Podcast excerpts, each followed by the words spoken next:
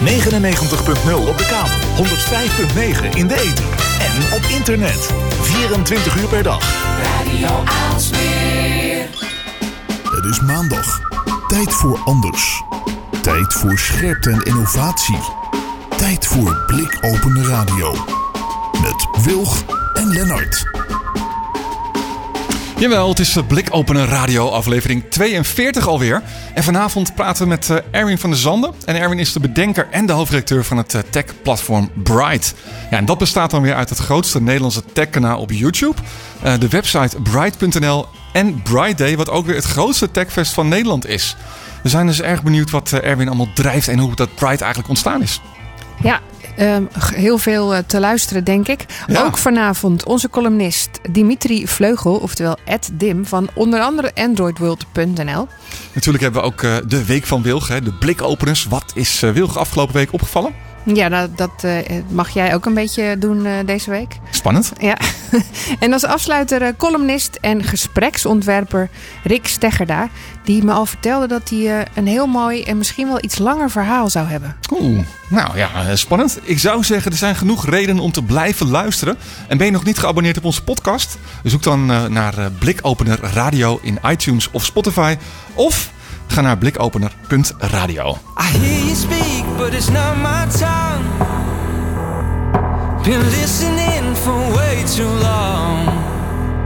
It's sad, I'm done. It's like you get high on being low. And I've never seen a low so low. It's sad, I'm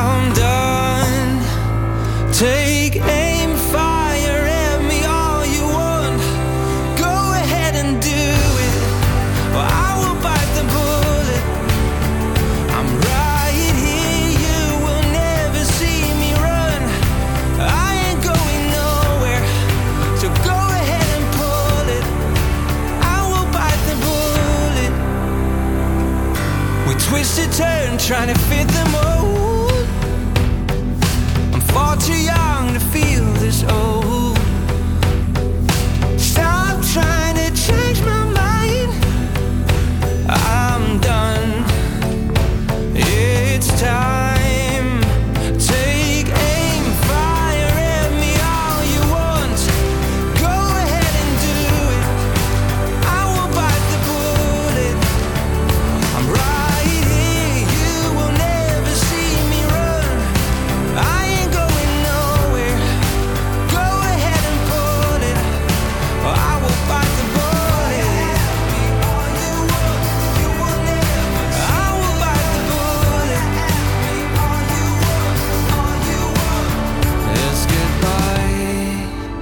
Gonna hurt, but to live is to learn. So you will never see me run. No, I'm not gonna hide.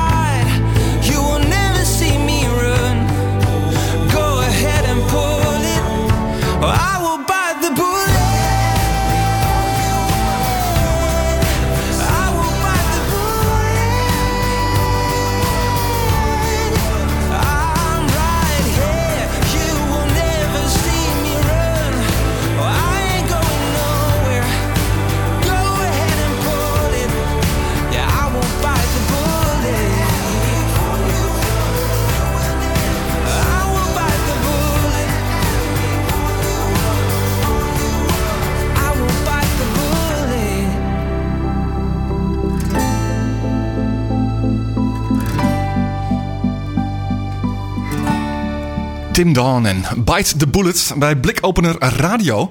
Zoals gezegd, aflevering 42. En vanavond eh, te gast in onze uitzending Erwin van der Zanden. Erwin, goedenavond. Goedenavond. Welkom. Ehm, voor mensen die je niet kennen, wie ben je en wat doe je? Ik ben de bedenker en hoofdredacteur van Bright. Eh, dat is het eh, nou, toonaangevende platform in Nederland over technologie natuurlijk. Uiteraard, uiteraard. Hè, we zeiden het in de inleiding al, het grootste tech-YouTube-kanaal van Nederland. Ja. Bright.nl als, eh, als eh, tech-nieuws website. En Bright Day als eh, grootste techfest van Nederland. Dus volgens mij hebben we genoeg om over te praten. Uh, het eerste deel van onze uitzending. Wat we altijd natuurlijk aan het begin van zo'n gesprek hebben. Van, um, hoe, hoe is die passie voor jou ontstaan hierin? Ja, nou eigenlijk altijd wel een beetje gehad.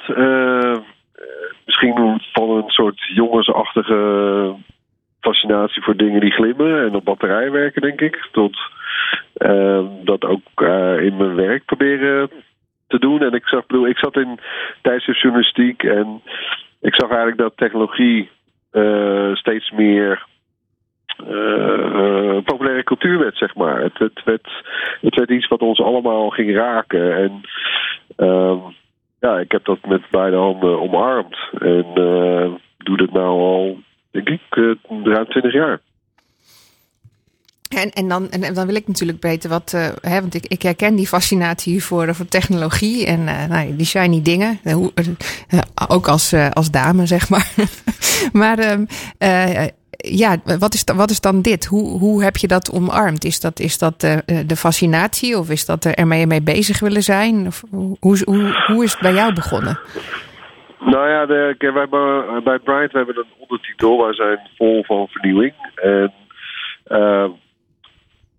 daar is het ook op terug te voeren. Het, is, het is die fascinatie voor, voor, voor vernieuwing en, en, en, eigenlijk het vernuft. Het, het vermogen om dingen te bedenken die, eraan te, die, die verandering teweeg brengen. Um, hè, dus uh, iemand die het idee heeft van: hé, hey, laten we een smartphone gaan maken. Of een, uh, een tablet. Of een, noem, die, noem de producten die we nu allemaal kennen maar op. En dat is natuurlijk een, dat is een vermogen die, die, die is breder en, en reikt verder dan alleen de technologie sector. Maar dat is, dat is wel de kern ervan. En uh, het komt misschien ook wel een beetje omdat ik zelf eigenlijk niet technisch ben. Dus het is ook een soort. Wat ik weer verrassend vond om te lezen. het, is ook, het is ook een soort bewondering, denk ik, voor, uh, voor de mensen die dat wel kunnen. Ja. Uh, en ja, weet je, mijn, mijn, mijn rol in het leven is denk ik als een soort, uh, nou ja, een soort journalist, een soort voorproever, zo zie ik het zelf eigenlijk altijd maar, uh, voor, voor je publiek. En uh, uh, dus dat, dat zijn we gaan doen. En, en het, het maakt ook wel, ik, ik snap wel dat mensen, als je het over Bright hebt, dat zelf, oh ja, over de gadgets. prima, dat mag allemaal, dat was goed. Maar de, ja, daar, daar zit wel die, die diepere fascinatie voor vernieuwing uh, ligt eraan ten grondslag. En ook dus het vermogen van mensen die die vernieuwing veroorzaken. Hè, dat, dat, dat, dat vermogen tot vernuft. Dingen bedenken die nou ja, iets verbeteren, uh, iets makkelijker maken, uh, iets nieuws creëren. Ja. Ah, en dat, en het, een, ja, het grootste ding misschien wel op dat vlak is natuurlijk het ontstaan van het internet. Um, daar was je vrij vroeg bij. Ja, ik was, uh, ik was daar inderdaad vrij vroeg bij. Ik was een van de eerste, ja, ik denk dan uh, internetjournalisten. Dat bestond toen uh, eigenlijk nog niet, maar in Nederland. Dat is wel mooi als je eigen, eigen genre kan uitvinden als journalist, toch? Ja, ja, ja. Ja, ik, ik was eigenlijk, ik bedoel, ik, ik deed geen school voor journalistiek trouwens. Ik heb communicatiewetenschap gestudeerd, maar ja, het, dus de, de, de, de, de interesse in media was er wel. En opeens was er een heel nieuw medium. Want op de universiteit, in die tijd, uh, 94, 95 ongeveer, uh, had je internet. En het was een terminal en met een knipperende groene cursor.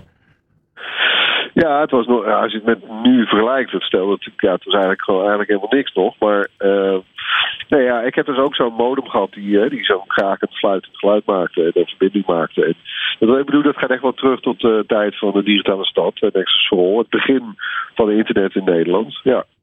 Hm. En uh, ik, ging daarover, ik ging daar verslag van doen. Dus niet, uh, kijk, je hebt twee soorten uh, gespecialiseerde journalisten. Je hebt, uh, of je bent gespecialiseerd in het medium waarvoor je iets doet. Lees bijvoorbeeld een televisiejournalist of een radiojournalist. Of iets inhoudelijks. En dan ben je bijvoorbeeld een sportjournalist. Ja. Nou, met internetjournalist deed ik het eigenlijk allebei. Dus ik, ik deed het via, via internet en het ging over internet.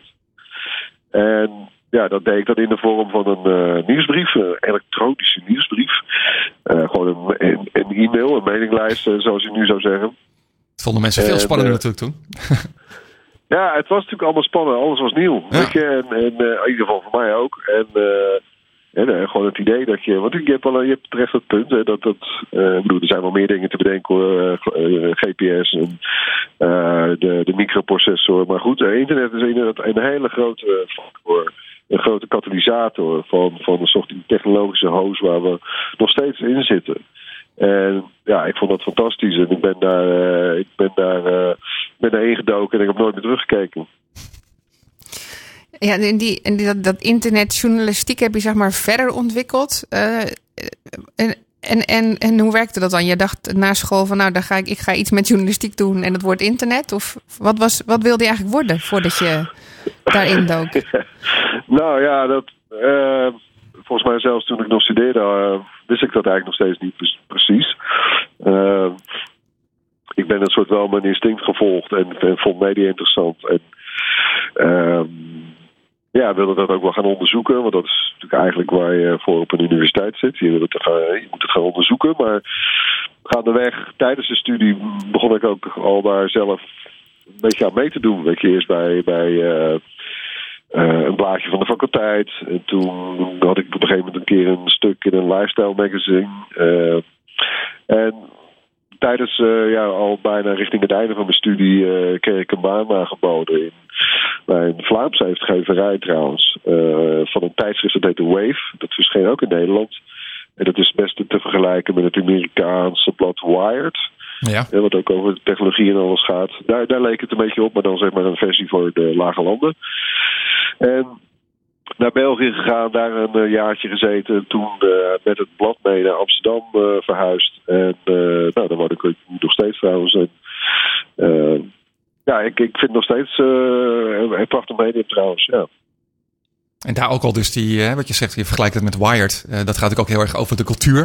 Uh, de digitale cultuur of de cultuur rondom internet en vernieuwing. Dat, dat is dus ook een van de rode draden, zeg maar, in jouw verhaal.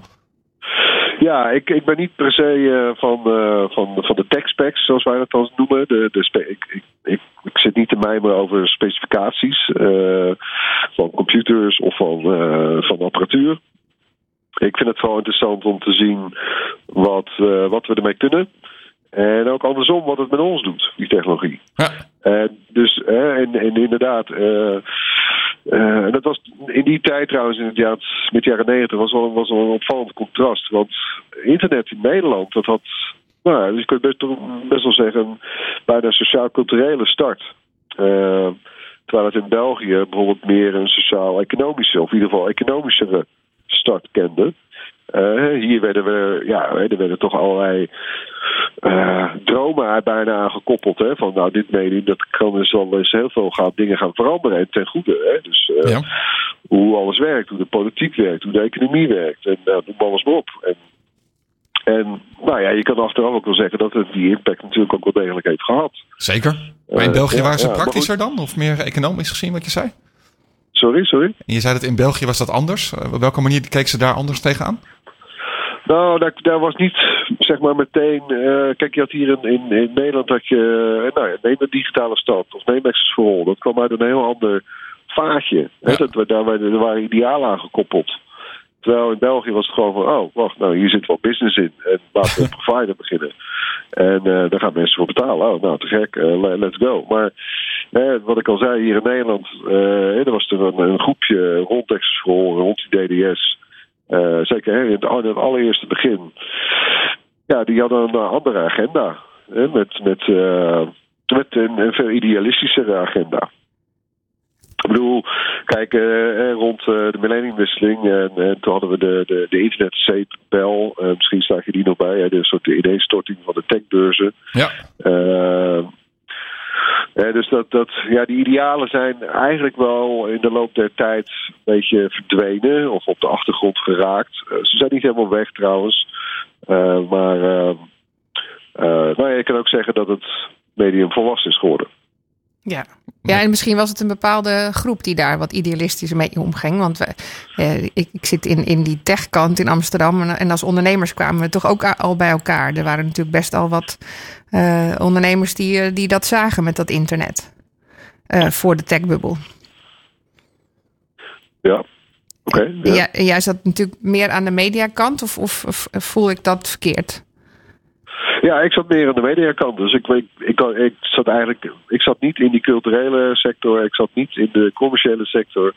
Uh, ik vond het gewoon, ik vond het allemaal uh, super spannend en te gek. En ik, ik had wel het idee van, nou, hier gebeurt echt iets wezenlijks. Ja, ja. Uh, het viel ook een beetje samen met de start van mijn carrière of mijn loopbaan. En ja, ik heb dat gewoon met beide, ik heb dat echt compleet omarmd. En ben, ben, dat gaan volgen en ben daarover gaan schrijven of ben dat gaan verslaan. En, en proberen. Ja, ik denk wel eigenlijk ook wel proberen andere mensen ervoor te enthousiasmeren. Ja. Als ik eerlijk ben. Ja. En, en toen na die techbubbel, toen het iets serieuzer leek te worden, dacht jij, daar moet ik meer mee? Nou, ik ben eigenlijk nooit weggegaan in die zin. Ik ben het eigenlijk altijd blijven volgen. En, en het publiek trouwens, genoeg, dat bleef ook. Hè. Dat is niet dat, eh, omdat er toen een bepaald slag ondernemers uh, zoiets hadden van... oh, oké, nou, uh, de, de, cowboyjaren zijn voorbij. Ik heb mijn kans verkeken. Ik ga wat anders, ik ga wat anders zoeken. Het wil niet zeggen dat, dat de rest van de gebruikers bijvoorbeeld van dat nieuwe medium of eh, dan vervolgens ook de, daar de rug toe, uh, toe keerden. Integendeel, die bleven. En, en, en uh, ja, die zijn er nog steeds. En bedoel, er is eigenlijk daarna weer een hele nieuwe lichting met, met bedrijven gekomen. En, uh, met, de, met de Amazons van deze wereld bijvoorbeeld. Ja. En ja, die, die hele tieren zou ik zeggen. Zeker, ja. En, en uh, die bubbel was natuurlijk eigenlijk al na het ontstaan van Bright. Want dat is in 2005 opgericht. Nee, die bubbel was ervoor hoor. Ja, was het toch ervoor? Ik zit het, ja. Ik... Dat zit, was echt rond 2000. 2000. Ah, ja. Je hebt gelijk, ja, tuurlijk. Ja. Ja, En toen in 2005 kwam Bright. En dat begon als papieren tijdschrift, als ik me goed herinner.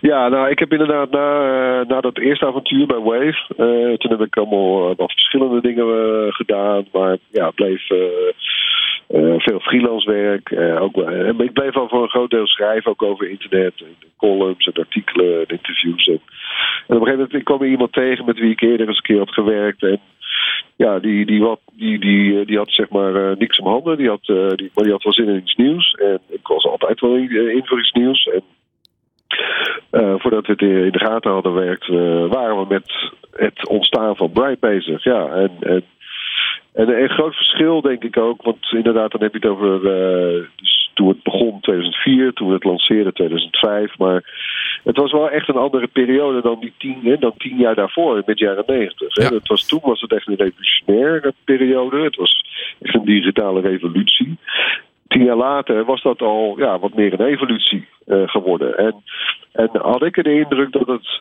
ook meer richting een digitale lifestyle zich aan het ontwikkelen was. Uh, het waren niet louter die, die hackers en nerds uh, van die beginjaren. Uh, maar het raakte, ja, het raakte wijdverbreider. En er waren meer mensen mee bezig. En steeds meer mensen maakten er mogelijk gebruik. En, uh, en, en dus er ontstond meer een digital lifestyle. En, dus ik had ook wel een plan. Dat was trouwens Oscar Kneppers uh, en ik destijds. We hebben het opgezet. Um, uh, van nou, laten we daar dan iets voor gaan maken. Ja. En ja, daar kwam voor mij een heleboel uh, samen. Uh, het was in het begin inderdaad en een magazine, twee maandelijks. Het was ook een website met een weblog. dat was in de tussentijd, in die tussen de liggende tien jaar was dat ook natuurlijk ontstaan. Het, het format van de weblog. Ja. Ehm, dus dat, ja, we, alle, en we zijn ook, we hebben toen vrij snel, ook al in 2006, voor de eerste een event gedaan. Uh, dat heette Bright Life. Dat was, had toen ook uh, 3000 bezoekers. Ja, we vonden het allemaal super, uh, super te gek. En, en je had de Bright Nights. Greep, greep alles aan, ja. Bright Nights weet ik nog heel goed in Pakhuizen Zwijger. Vaak genoeg geweest ook zelfs. Ja, na, na, na die Bright Life, dat, was, dat was toen voor ons doen best wel een succes. Maar, excuus, we waren toen een hele kleine organisatie en kregen het daarna niet direct uh, nog een keer commercieel rond. En, uh, nou, van uitstel kwam afstel. Ja. Toen zijn we inderdaad een paar jaar later uh, zijn we weer een soort voorzichtige klein. Zijn we, hebben de draad weer opgepakt. Met die, met die inderdaad die Bright Nights. waarvan de eerste, nou dat zijn er denk ik wel een stuk of 25 geweest in Pakkers de Zwijger in, in Amsterdam. En die, dan, hè, dat was dan uh, een event, uh, was, was gratis toegang. Er kwamen dan uh, 100, 150 man. En daar lanceerden we telkens een nieuw nummer van het tijdschrift. En dan hadden we ook wat sprekers. En eh, mensen die bijvoorbeeld ook in zo'n nummer dan van het magazine eh, waren gefeatured bijvoorbeeld. En, eh, Ja, en af en toe een, eh, een uitpakparty. Kan Nou, ik me herinneren. net heen, hè. De tweede helft van de avond was dan Ja. altijd de live uitpakparty. Ja. Nou, dat, was wel, eh, dat was wel een feest. Dat was altijd wel, daar leefde ik altijd wel naartoe. Oh ja? Nou ja, in onze vragenlijst vooraf eh, omschreef je het als het, het beste idee dat je ooit had, die uitpakparty. Voor de mensen die het niet kennen, wat is het? Nou ja, de, kijk, het is natuurlijk, het is nu inmiddels ook wel een fenomeen ook door de, op YouTube, de zogeheten unboxing parties. Ja. En, eh, eh, het is eigenlijk misschien, eh, het is nu eigenlijk een, een, soort, soort eh geuzennaam voor, of nou geuzennaam, het is, het is een, het is eigenlijk vaak gewoon een recensie van een product, hè, maar en dat was dezelfde manier waarop we destijds op die naam iPad Party kwamen. Kijk, die hoop van die gadgets, van die, van die apparatuur die je koopt, hè, dat kost vaak een hoop geld. En gelukkig ook eh, zie je dat die merken, die fabrikanten, die hebben dat door. En die maken vaak, nou ja, de, de, verpakking, daar begint het vaak al mee. Dat, ik bedoel, het is al een, een groot feest. Hè? Ja. Je, hebt, je hebt iets voor 500 euro gekocht. Komt in een mooie doos, zit mooi vernuftig in elkaar ingepakt. En je gaat even op je gemak allemaal bekijken wat erin zit, wat voor accessoires zitten erbij. Eh, en, nou ja, dat, dus dat, Het is ja, een feestje om uit te pakken eigenlijk. Feestje. Ja, Dat was een soort feestje. Ja. En, en, dus dat hebben wij vervolgens als, eh, eigenlijk als een soort naam, eh, als een soort metafoor gebruikt voor onze recensies van dat soort dingen. En in het begin, en dat zie je ook nog wel vaak genoeg gebeuren, ook op YouTube bij andere partijen die dat doen, maar nou, dan gaan ze ook echt letterlijk eerst de doos uitpakken. Van, nou, wat zit er allemaal in? En eh, oh, wow, oké, dit en dat. Oh ja, oké, nou. En dan vervolgens gaan ze over tot de recensie van het product waar het dan uiteindelijk om gaat. Maar en eerlijk gezegd, ja, dat, dat hele letterlijk uitpakken, dat doen we eigenlijk ook nauwelijks meer. Maar die, bedoel, die naam die bleef een beetje hangen. En, en, en wel een leuk, eh, leuk detail. Het is ook een handelsmerk van ons. We hebben dat ooit vastgelegd. slim. Slim, slim, slim. Slim, ja. Ja, ja, ja. En, en, en na een jaar of zes eh, dacht eh, Oscar van nou, ik wil een andere kant op. Ik ga meer richting die mensen die, eh, die, daar, die met die technologie bezig zijn. Is voor jou daarna Bright ook nog een andere kant op gegaan? Wat, wat, wilde, je, wat wilde je neerzetten voor je, voor je lezers, voor je gebruikers? Ja, je doelt op een gegeven moment dat, hè, dus inderdaad, Oscar is andere dingen gaan doen. En na een soort tussenpauze, sabbatical en wat andere dingen, eh, eh, is die een eh, soort incubator gestart. Excel, accelerator, ja. Of Ja. accelerator. Ja. Nou ja, het zit dicht bij elkaar volgens mij, een incubator of accelerator. Maar de, eh, de, eh, daar, daar, is, hij, is, hij is trouwens al, inmiddels alweer wat anders eh, gaan doen. Of eigenlijk weer tussen, tussen projecten in. Maar goed. Eh, nou ja, ik, ik, eh, weet je, ik bedoel, ik heb Bright bedacht en eh, grootgebracht. En ik was er nog lang niet klaar mee, eerlijk gezegd. En Nou ja, daarom vraag ik ook van ik zou. Ja, nee, ik, ik- het kan best zijn dat jij dacht van nou, maar dat betekent dat ik ook een stap, stap verder wil hebben. Of, of een andere doelstelling of wat verdieping. Eh, wat, wat, wil je je lezers vooral, eh, of je, je gebruikers eigenlijk vooral nu meegeven? Heeft dat, hè, dat is natuurlijk misschien veranderd na die eerste zes jaar of na die eerste tien jaar. Want inmiddels staat er een flink platform. Ja, nou ja, sterker. We, eh, komende februari bestaat Bright 15 jaar. Eh, dat gaan we nog op. eh, Wauw. We weten nog niet precies hoe, maar dan gaan we op leuke manieren vieren. Ook voor ons publiek. Nou ja, kijk, eh, op zich, weet je, in de kern doen we nog steeds eh, waar we, wat, wat we in het begin ook deden. Hè? Wij willen ons, ons publiek eh, vertellen en informeren en inspireren over alle wonderlijke tech die er om ons heen eh, verschijnt en bestaat. En dat is in die zin niet veranderd. Kijk, ik heb wel, er is natuurlijk. Bright is eigenlijk met het hele onderwerp tech. En ik zeg telkens tech, hè, maar dat, dat is, is natuurlijk kort voor technologie. Ja. Is soms vergeet ik dat dus nog eens aan te stippen. Maar, en het is eigenlijk samen met het, eh, met het hele fenomeen tech samen opgegroeid, kun je zeggen.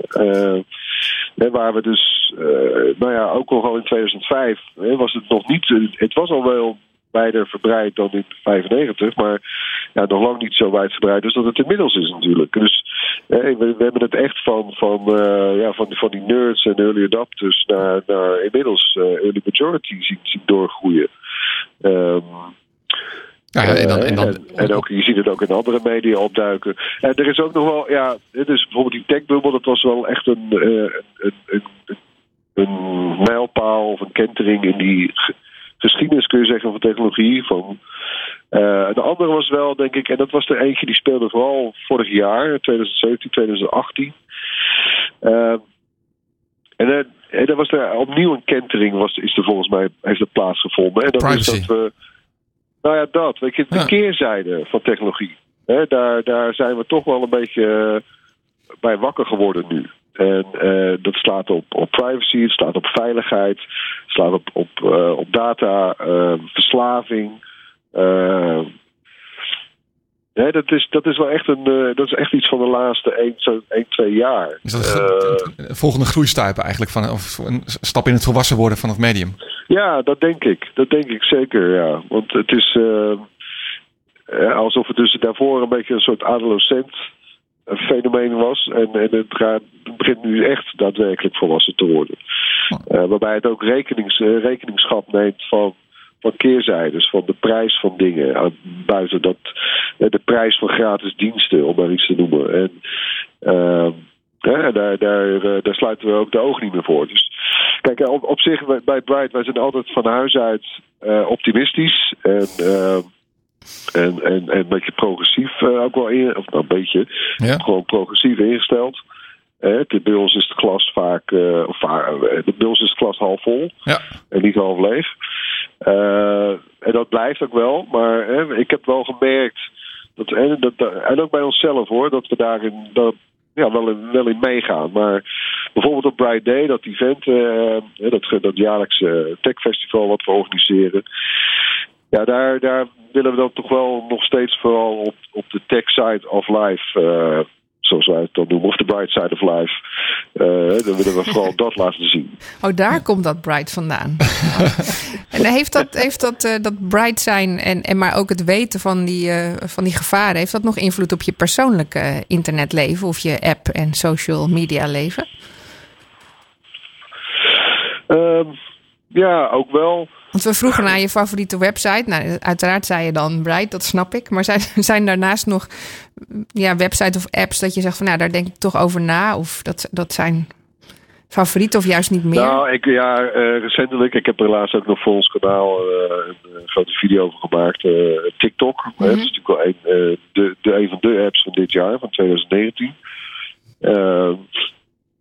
En, en uitgerekend eigenlijk in een, periode waarin iedereen dacht van nou, eh, niemand kan meer tippen aan Facebook en eh, Twitter en Instagram en, eh, en YouTube. En nou, pas boem opeens toch eigenlijk toch bij- ogenschijnlijk uit het niets. Dat is, natuurlijk niet zo, maar eigenlijk een grote hit. Ehm, maar ik moet wel zeggen dat, dat tegen het decor van alle ontwikkelingen van de laatste paar jaar ben ik. eh, Ik bedoel, Facebook gebruik ik op zo minimaal mogelijke wijze bijvoorbeeld. Ja, dat hoor je zoveel. Ja. Ja. Zo, ja, eh, Instagram eh, doe ik nog wel. Eh, maar nou ja, het is, het is, dat speelt een rol. Een andere rol is, ik heb ook twee dochters. En die, eh, die zijn nu zeven en bijna tien. En dat is niet sinds gisteren of zo. Dat speelt al wel een beetje een paar jaar. Maar ja, dat, dat was wel een, een, opeens iets in mijn leven... wat me heel erg confronteerde met vragen van... ja, wat doe je daarmee? Eh, ja, hè, tot waar kun je gaan? Tot waar laat je ze gaan? En, Ja. eh, dat is toch eh, in het begin heel confronterend, maar ook wel heel fijn eigenlijk in die zin. Want dan dwingt je daar allemaal heel goed over na te denken. Eh, hè, dan natuurlijk in overleg met je partner en dan probeer je daar zo goed en zo kwaad als, maar als het gaat daar dan een soort richting aan te geven. Eh, dus dat, ja, dat zijn wel twee belangrijke factoren die mijn eigen gebruik van al deze nieuwe, eh, zo'n nieuw medium en dat soort diensten, Ja. de social media, eh, wel, wel heeft beïnvloed. Ja. Ik kan me voorstellen. Erwin, als afsluiter. ehm, ik kan me voorstellen dat je voor je werk... Hè, jullie reizen veel, jullie komen op allerlei toffe plekken... bij toffe events, et cetera. Ehm, eh, heb je al helden op dat vlak mogen ontmoeten? Nou, ik heb, ik heb al een. Ja, ik heb, een, ik heb wel een paar helden. Eh, eh, Steve Jobs was er een, maar die heb ik nooit gezien, helaas. eh, Nee. echt.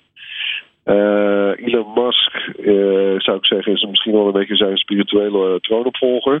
De CEO van, van Tesla en SpaceX en nou, nog, een, geloof ik, nog tien bedrijven. Ja. Eh, Heb je hem gesproken of ontmoet? Nee, nee, een collega van mij wel, Marijn Nogge. Eh, mijn grootste naam, als ik het zo, eh, zo, zo dan zou zeggen, is Tim Cook, voor de, de CEO van Apple. Ja.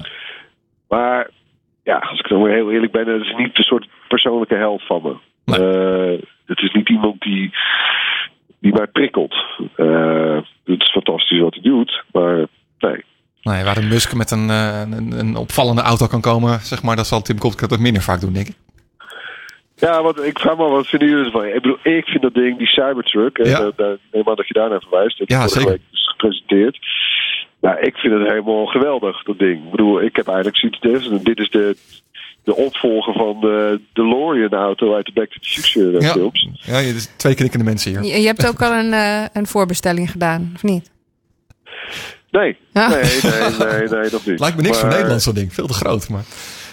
Ik wilde Ja, naar het is vakantie. een, een, een loeit van een auto. Ja. Eh, maar jeetje, en bedoel, en, ja, ik heb eigenlijk, want ik zou helemaal geen pick-up nodig hebben, eh pick-up truck. Maar man, het, is- het is te, ik vind dat, ik vind dat, bedoel, daar, daar word ik dan echt wel heel blij van eigenlijk. Dat dat soort dingen gebeuren.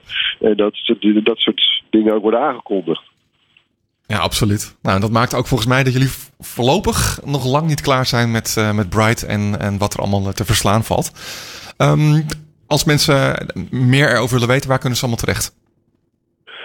Nou ja, begin bij bright.nl, zou ik zeggen. En dan, eh, dan vind je de rest als goed is vanzelf. Hartstikke goed. Erwin, dankjewel voor het interview. Ja, graag gedaan. En, eh, Hartstikke leuk. Hoi.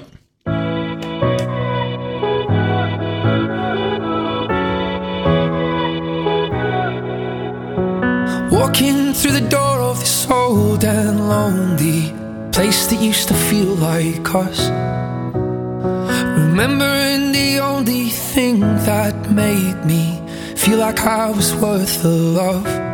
We used to hold hands, now I dance alone.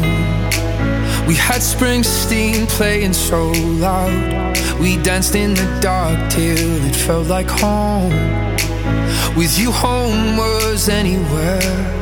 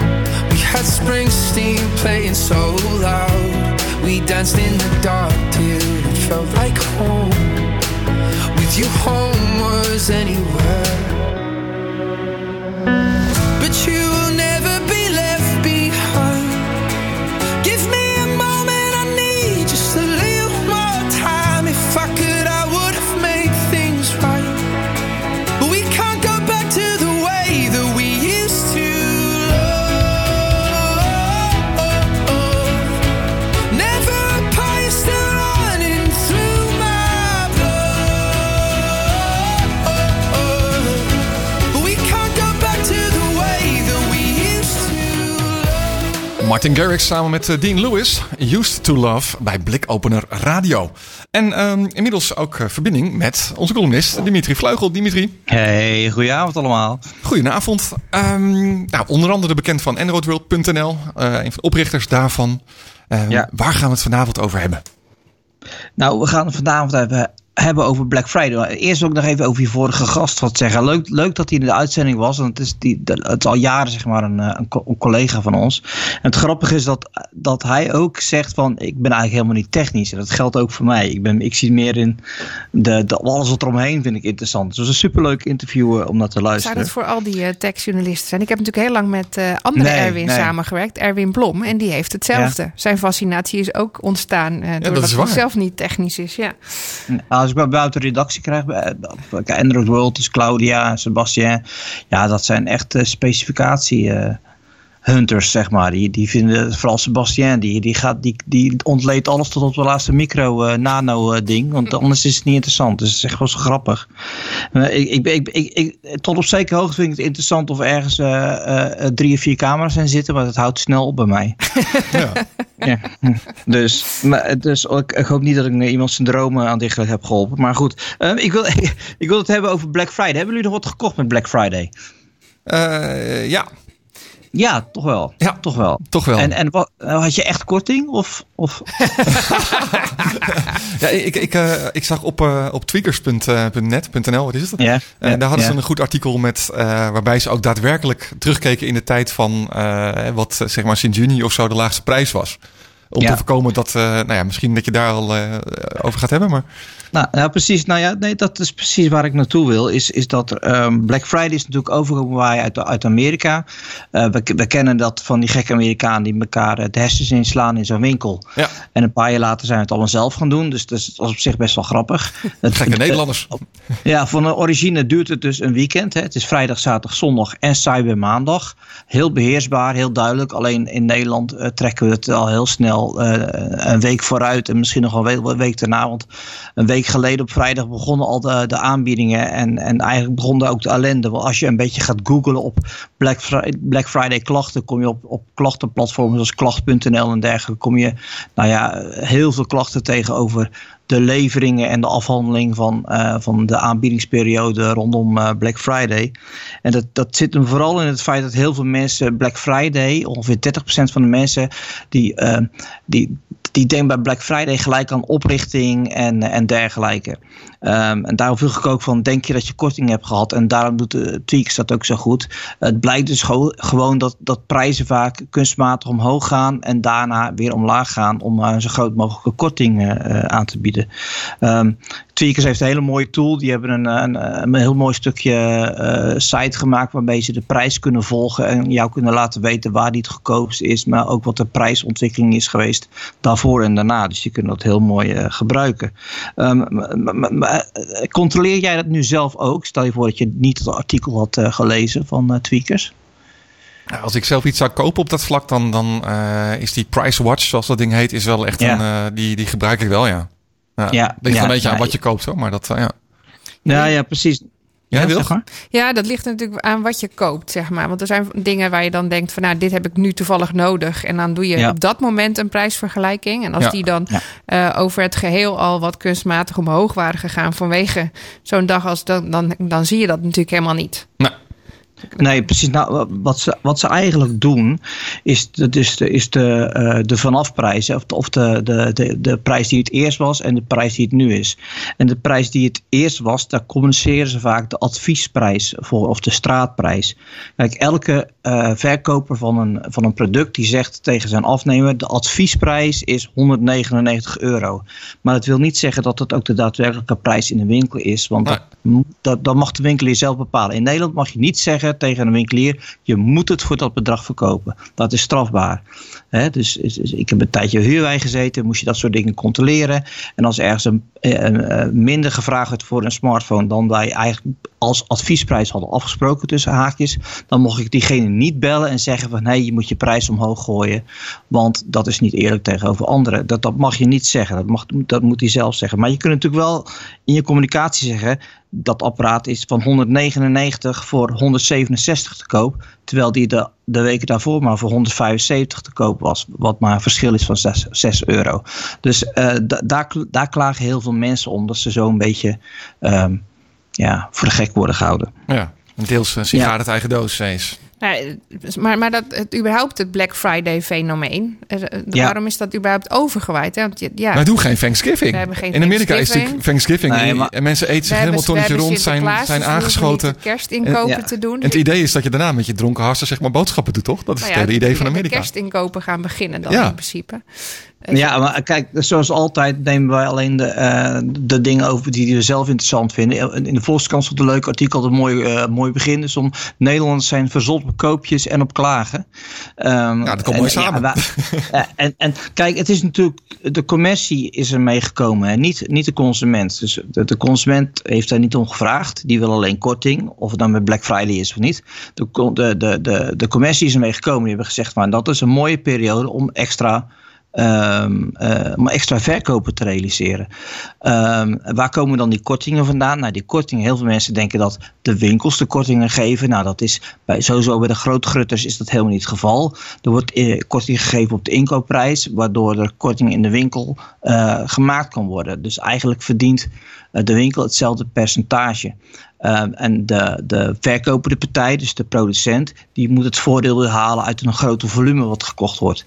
Maar dan heb je ook gelijk het probleem. Kleinere uh, winkeliers en dergelijke, ja, die, die hebben dat niet. En die moeten die korting wel zelf gaan geven over hun eigen inkoop. Ja. Dus in plaats van uh, bij kleding is, is het 200, is het 2,1 geloof ik gemiddeld wat, wat, wat er overheen gaat. Ja, dan moeten ze dan dus gewoon maar 1,1 overheen gooien in, in, in honderden procenten, zeg maar. Dus da, dan hun marge wordt gehalveerd. En ik heb een aantal artikelen gelezen en één artikel zegt ook van, zijn vrouw zegt ook van ja, ik moet van meedoen, want ik zie anders niemand in mijn winkel. Ja. Dus ik heb gewoon een hele week geen omzet. Ja, dan maar dat kleine beetje. Maar goed, ik kan daar de kosten mee betalen. Ja. Dus de keerzijde. En, en ik vraag me ook af, als, uh, wat daaruit komt, en dan kom ik nog bij een ander punt, is, is van willen we, willen we dit nu wel? Want we hebben Singles Day, dat hebben we uit China overgenomen. Dat gaat, de Singles Day is ooit bedacht voor mensen die geen relatie hadden. En dan op de 11 van de 11 hadden ze dan Singles Day. En dan ja. moesten mensen die geen relatie hadden, moesten dan uh, extra lief voor geweest. Ook, zo, kort, ook verzonnen allemaal voor de commercie. We hebben Black Friday. Uh, eigenlijk is het altijd wel ergens uitverkoop. En als Met je dan maar bel, ja. Ja, precies. Maar als je dan naar België kijkt, daar mag dat dus niet. Hm. In België is er een regel, en ik, ik heb uh, zelfs op de, uh, de website van de, van de regering uh, staat dat er maar twee solden, solden is het Belgische woord voor, voor, voor koopjes, zeg maar, ja. periode mogen zijn. Dus een periode van 3 tot en met 31 januari en een periode van 1 juli tot en met 31 juli. Alleen in die twee periodes mag er uh, mag, ja, mag gesteund worden eigenlijk met, uh, met, met artikelen. Uh, ook de maand daarvoor mag er niet uh, gesjoemeld worden met, uh, met prijs en dergelijke. Om bijvoorbeeld oh. in de periode van solden de prijs uh, hoger of lager te, te, te, laten blijken. Ik ben eigenlijk al voor deze regeling, Dim. Want dat, nou ja, al die dingen die, je... die zorgen er ja. alleen maar voor nu dat ik in plaats van een maand geen online verkopen en koop, aankopen en andere dingen nu anderhalve maand daar uit de buurt blijf. Ja. dus ik, ik, ben voor. Nou, dat staat dus ook op mijn papiertje. Jullie denken dat ik dit uit mijn hoofd doe. Ik heb het gewoon opgeschreven. Um, uh, van ja, wil ik ook. Om, uh, om twee redenen. Ten eerste, uh, we draaien iedereen gek. En er gaan mensen gewoon kapot aan. winkels gewoon kapot aan. Ten tweede denk ik dat de kwaliteit van dienstverlening wordt er alleen maar minder van. Want je leest nu overal klachten. verkeerde leveringen, slechte leveringen. Spullen komen niet aan. Ja. Want precies de, de reden waarom ik al niet bestel in december over het algemeen. Ja. Drukte. Precies, want ja, drukte. Ze kunnen het gewoon niet aan. Want ze kunnen niet uh, de, de, de capaciteit verdubbelen voor die ene periode in december. Maar, uh, het, het, het, zit te dicht op Sinterklaas. Dat is ook nog een veel gehoord uh, probleem. En ook eigenlijk te dicht op kerst. Dus um, aan alle ik ben het ja. met België eens. We moeten dit gewoon van België overnemen. Dit, dit doen ze dan weer wel goed. Ik vind en hem, gewoon twee keer per jaar zonde. Dus. Ik vind het een mooie blik openen, Dim. Dank je wel daarvoor. Ja. als mensen jou willen volgen, hoe doen ze dat? Dim op Twitter, uh, dim underscore NL op uh, Instagram en uh, mijn telefoonnummer is 06. hey Dim, dankjewel. Tot de volgende keer. Tot de volgende keer. Hoi, hoi. hoi. Nou, dan gaan we eigenlijk uh, meteen alweer vrijwel naadloos, zoals we dat zeggen, uh, door met de Week van Wilg. Ja, onze blikopeners. Nou. Uh, want af en toe vindt Lennart er ook gewoon eentje. Eh, zoals eh, diegene die jij mij eh, stuurde, Lennart. Ja, die was bijzonder. Die was bijzonder.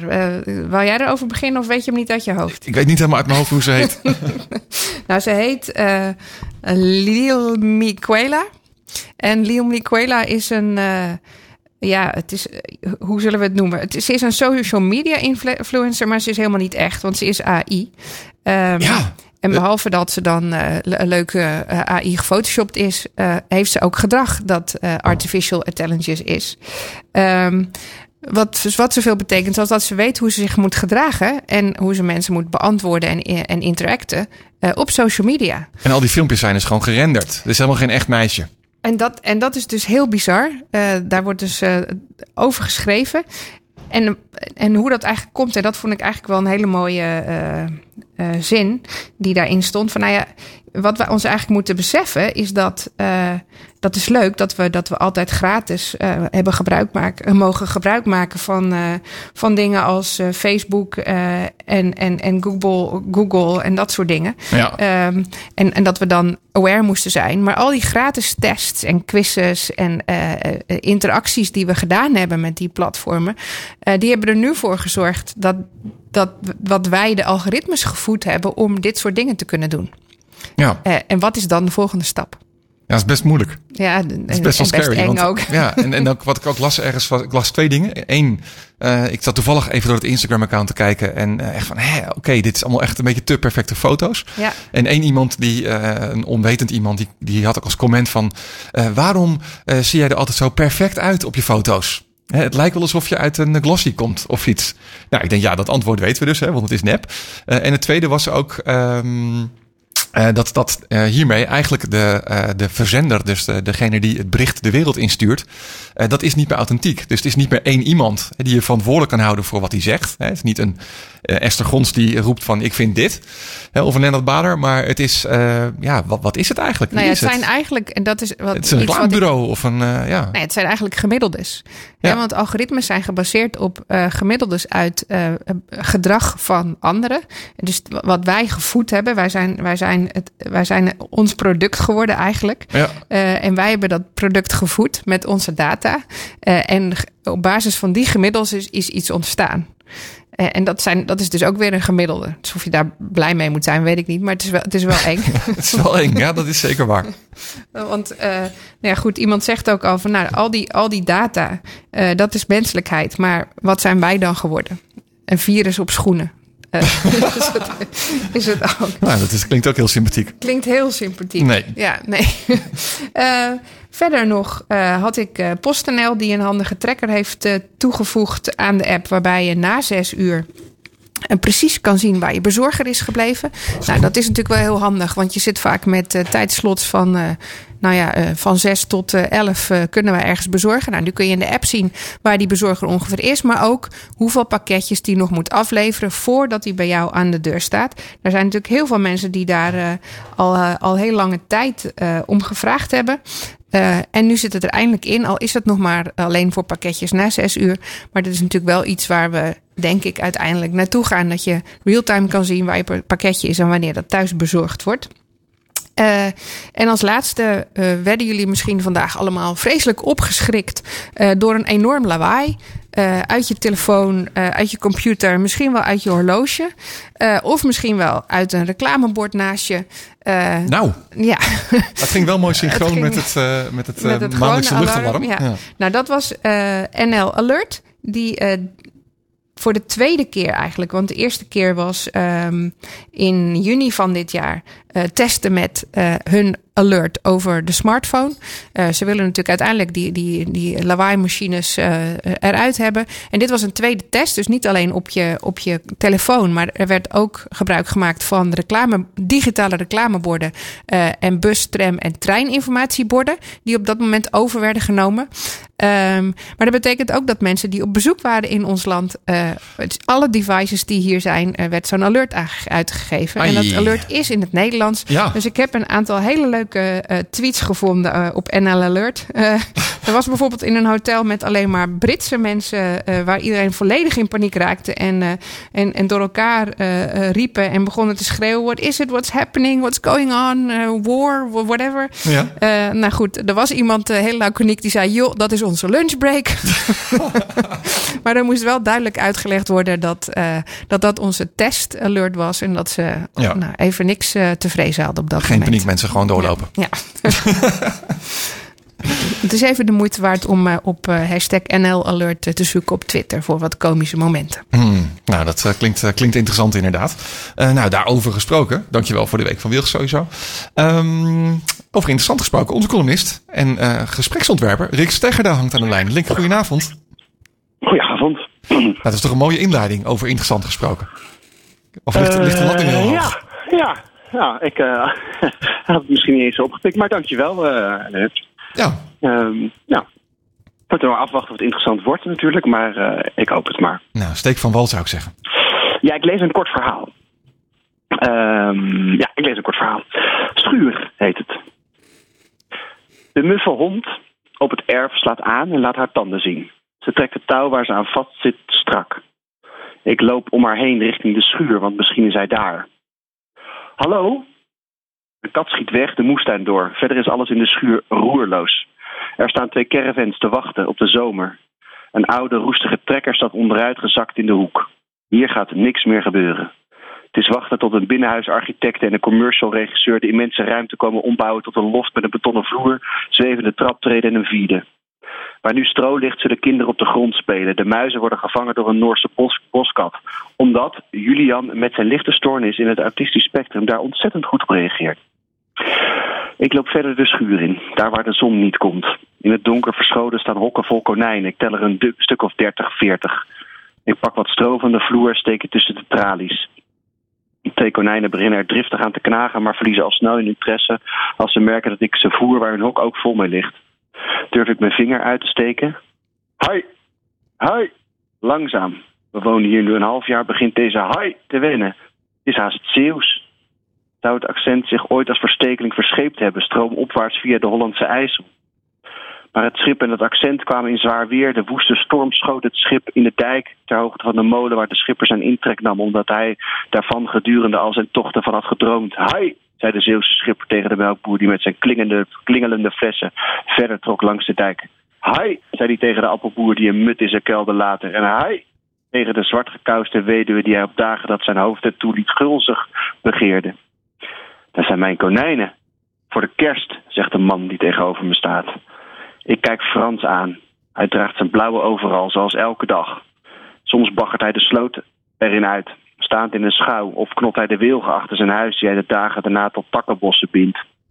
Weet je nog wie ik ben? vraag ik hem. Nee, wie ben je dan? Ik woon hier verderop, naast Verdoold. Ik ben hier vorige week geweest omdat we een plekje zoeken voor onze camper.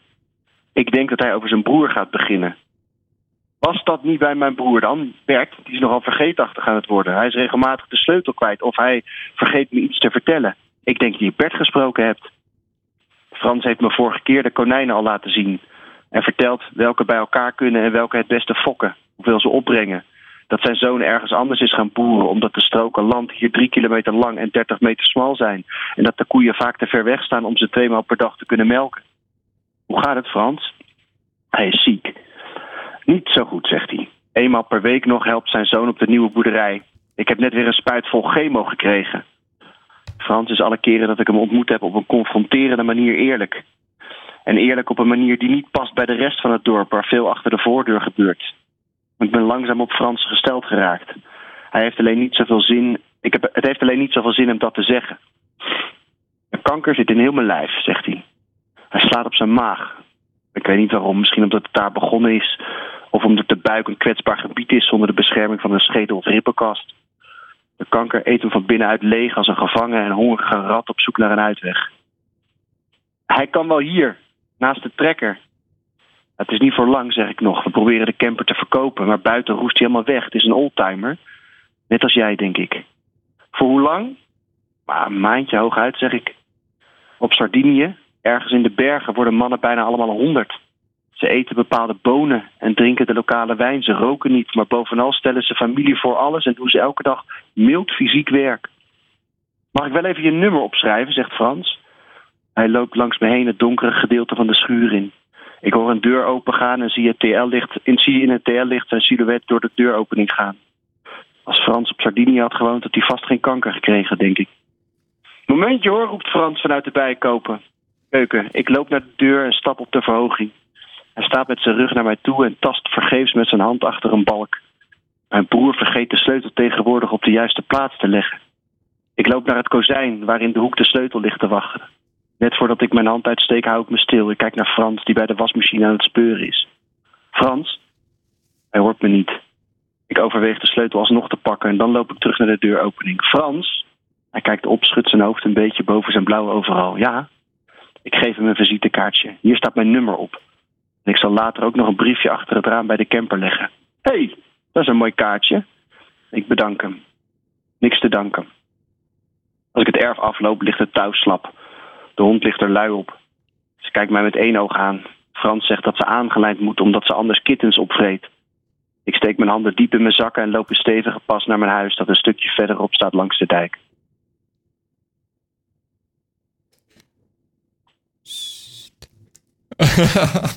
Wat mooi. Ja, Waar hebben, waar hebben we naar geluisterd, eh, Rick?